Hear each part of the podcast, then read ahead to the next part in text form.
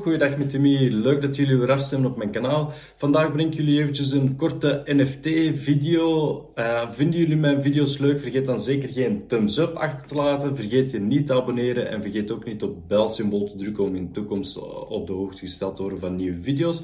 Ja, we hadden reeds eens een NFT-video gemaakt. En uh, deze video legt uit wat NFT's juist zijn. Uh, dat dat non-fungible tokens zijn. Dus dat dat unieke pieces zijn op de blockchain die niet interchangeable zijn voor andere pieces op de blockchain. Dus ja, moest je die video willen zien, dan kun je die bovenaan eventueel eventjes aanklikken. En waar gaan we het dan vandaag uh, specifiek over hebben? Ja, vandaag gaan we het eventjes specifiek hebben over zelf een NFT aan te maken en eventueel te verkopen. dus dus ja, voor de mensen die eventueel kunst of zo maken, uh, het kan zowel digitale kunst zijn als echte kunst, als bijvoorbeeld muziek of of uh, video's en je, je zou er eventueel ja, uh, deze willen verkopen. Uh, ik denk nu maar aan, je hebt bijvoorbeeld een digitale tekening of zo gemaakt en je wenst deze eventueel te koop te stellen. dan kan je die eventueel als een NFT minten. En de meeste mensen denken nu van ja, als een NFT minten, ja, maar ik ben geen programmeur, uh, ik weet niks uh, van al die technische zaken. Hoe kan ik dat nu in godsnaam uh, minten en hoe ga ik daar te werk gaan om dat dan te verkopen? ja, op zich is het allemaal niet zo moeilijk. je hoeft daar niet specifieke kennis voor te hebben van programmeren of van allerlei blockchain languages. je kunt dat ook gewoon via een platform eigenlijk online gaan zetten. Dus het hoeft allemaal niet zo moeilijk te zijn als dat je zou denken. Uh, het enige dat je wel nodig hebt natuurlijk is uh, een wallet. En daarvoor kun je gaan kijken naar een custodial, een non-custodial of een hardware wallet. Het makkelijkste voor de meeste mensen zal zijn om een custodial wallet te gebruiken. En daarbij denk ik dan bijvoorbeeld aan een Metamask wallet of een uh, Trust wallet. Moest je echter wat veiliger willen gaan, kun je dan naar een non-custodial wallet gaan, waarbij dat je eigenlijk zelf alles in handen hebt en uh, niets van je veiligheid overlaat aan anderen. En moest je dan nog een stapje verder willen gaan, dan kun je voor een hardware wallet gaan.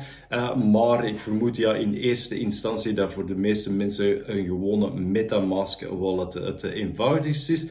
En wat ga je dan doen? Ja, je maakt je werkje, ofwel ja, een mp3, uh, eh, een muziek of zo, uh, een uh, kunstwerkje dat je dan naar een JPEG omzet of uh, PNG of weet ik god knows wat. En ja, dat, dat kunstwerkje, daar ga je dan mee naar een, een soort van NFT mintingplaats. En welke NFT mintingplaatsen heb je dan zoal? Je hebt ja, self-custody mintingplaatsen en je hebt ook curated mintingplaatsen. En wat bedoelen we daarmee? met die self-service uh, mintingplaatsen ga je eigenlijk zelf uh, gewoon je kunstwerk uploaden en uh, bepalen van welke prijs dat je eraan wilt geven. En dan uh, niet te vergeten kun je daar ook eventueel een royalty fee aan toevoegen. Dus ja, wat bedoel ik met een royalty fee? Dus ja, als jij initieel je kunstwerk verkoopt, dan krijg je er een bedrag voor. Maar als dat kunstwerk terug herverkocht wordt, dan krijg je ook nog steeds een royalty fee. Dus dat kan interessant zijn, vooral als je stelt, ja, je hebt zelf een mooi kunstwerkje gemaakt je verkoopt dat nu bijvoorbeeld voor, ik zeg maar iets, uh, ja, in dollar uitgesproken 5 dollar of zo. En blijkt dat dat achteraf uh, eh, 200 miljoen dollar waard wordt, uh, ja, dan heb jij dat dan dus verkocht voor 5 dollar. Uh, maar als je daar uh, nog royalty fees op uh, geënabled hebt, dan kun je dan bijvoorbeeld zeggen dat je voor elke herverkoop 2% krijgt. Dus dat wil zeggen dat die, die nadien nog verkocht wordt voor 200 miljoen dollar, dat je van die 200 miljoen dollar ook 2% royalty fee krijgt. Wat dat dus aardig kunt oplopen. ik weet niet of dat jullie zo'n mooie kunstenaars zijn dat jullie 200 miljoen dollar gaan ophalen voor zo'n kunstwerk. Maar uh, je weet maar nooit. Uh, dus ja, op zo'n uh, self-service platform ga je gewoon inloggen, ga je zelf je Metamask of je andere wallet connecteren en dan kun je eigenlijk je kunstwerk uploaden en al deze parameters instellen.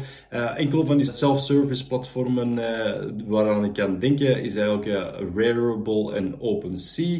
En dan heb je ja, ook nog die andere platformen, die curated platformen. En wat is het verschil nu met die curated platformen? Ja, dus bij die uh, curated platformen ga je je kunstwerk aanleveren en uh, gaat dat eerst door experts uh, beoordeeld worden welke ervaring dat je al hebt in de kunstwereld. En dan gaan ze nagaan van, ja, is je kunstwerk wel goed genoeg voor ons platform? Uh, dus ja, er vergt wel enige uh, ervaring natuurlijk met het maken van kunst. Dus ja, als je al echte kunstwerken hebt hangen in galerijen en je verkoopt al echte kunst, ga je dus meer kans maken om op zo'n platform terecht te kunnen.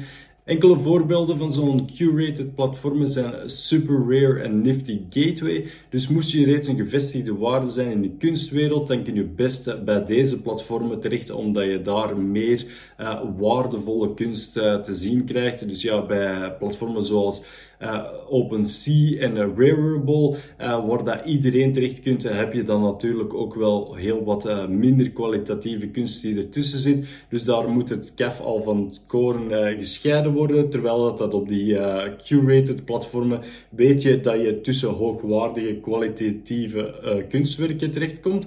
Ja, meeste van deze NFT's die worden natuurlijk op de Ethereum blockchain uh, verkocht. Wat wil zeggen dat je dus op je Metamask wallet of zo best een beetje ETH hebt staan omdat je uh, ja, je fees en zo voor de minting zult moeten betalen in Ethereum.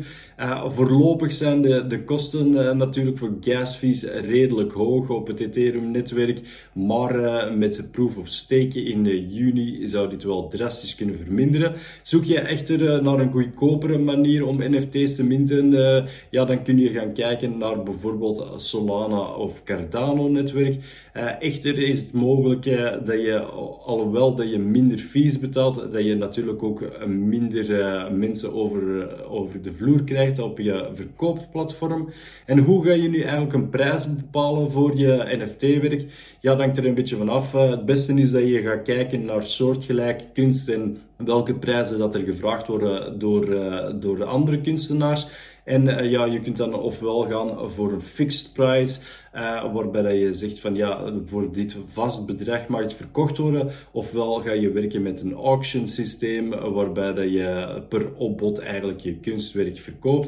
Dat is allemaal afhankelijk uh, van je eigen voorkeur natuurlijk, hoe dat je dat wenst te doen. En zoals ik voordien zei, vergeet ook zeker niet die royalty fees in te stellen, zodanig dat je, moest je in de toekomst dan je NFT's eh, zien herverkocht worden voor een hogere waarde, dat je toch een beetje van die waarde en van die inkomsten meekrijgt. En zodanig dat je zeker en vast geen inkomsten misloopt. Dus ja, ben je een artist uh, of kunstenaar en maak je allerlei kunstwerkjes aan, gaat het om zowel digitale kunst als, als bijvoorbeeld muziek of video's. Vergeet dan zeker niet om eens te proberen om zo'n beetje van die kunstwerken te minten als NFT.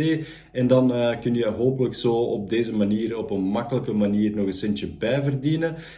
Dan hoop ik jullie spoedig terug te zien in een van mijn volgende video's. En vond je deze video leuk? Vergeet dan zeker geen like achter te laten. Vergeet je niet te abonneren en op het belsymbool te drukken om in de toekomst op de hoogte gesteld te worden van nieuwe video's. En dan hoop ik jullie spoedig terug te zien in een van mijn volgende video's. Fijne dag nog. Dag.